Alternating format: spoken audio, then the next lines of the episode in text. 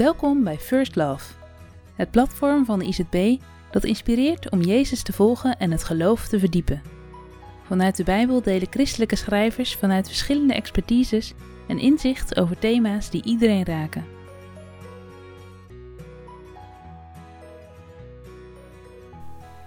Deze bijdrage gaat over de tirannie van perfectie en is geschreven door Els van Dijk.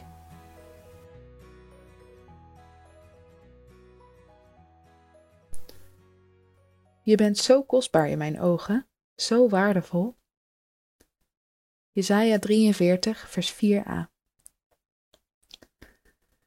Het kabinet Rutte 3 heeft tot en met 2021 34 miljoen euro uitgetrokken voor de bestrijding van eenzaamheid. Waar het geld gebleven is, weet ik niet. Maar het zou zomaar een investering in een bodemloze put kunnen zijn geweest, als niet de oorzaak van eenzaamheid is aangepakt. Eenzaamheid is voor veel mensen het besef overbodig te zijn, niet gezien en niet gekend zijn. De Duits-Joodse filosoof Hannah Arendt noemde het een diepe tragiek om onnodig verklaard te worden, om onvrijwillig afgesneden te zijn van de ander, van de wereld.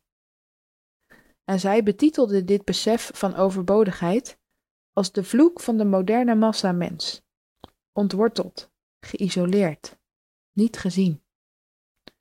Je zou er wanhopig van worden. Juist jonge mensen doorlopen de zoektocht om zichzelf te leren kennen en gekend te worden. Ik zie het als een probleem van de huidige digitale leefwereld dat sommigen die zoektocht juist niet aangaan.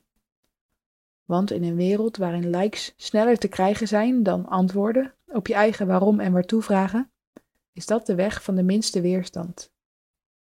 Maar het leidt misschien wel tot existentiële leegte. Ik denk dat de oorzaak van de psychische gesteldheid als eenzaamheid, burn-out en depressie vaak te maken heeft met zingevingsproblematiek. Veel mensen moeten dealen met de tirannie van perfectie en de druk om leuk, mooi en geslaagd te zijn. In een ingewikkelde wereld zoeken mensen geluk in vermaak, genot, amusement en zoveel mogelijk likes, terwijl de vragen naar de zin van het bestaan onbeantwoord blijven of zelfs weggedrukt worden. De Engelse taal kent twee woorden voor eenzaamheid: solitude, voor gezonde eenzaamheid, en loneliness, voor de ongezonde variant. Bij solitude is eenzaamheid niet als een afgrond, maar als een vindplaats. Een plaats van creativiteit, God, je bestemming, jezelf. Deze, deze innerlijke eenzaamheid maakt een mens doorleefd, gevoeliger en ontvankelijker. De Zweedse diplomaat Dag Hammarskjöld zei daarover: Bid dat je eenzaamheid tot een prikkel wordt om iets te vinden waarvoor je kunt leven, en groot genoeg om ervoor te sterven.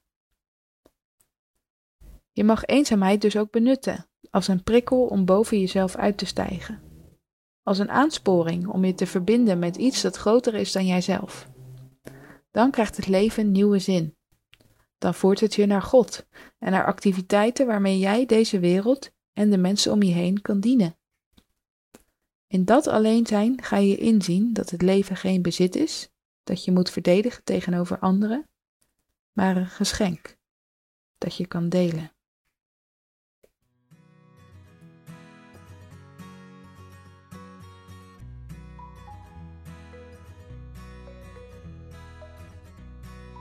Bedankt voor het luisteren naar deze bijdrage.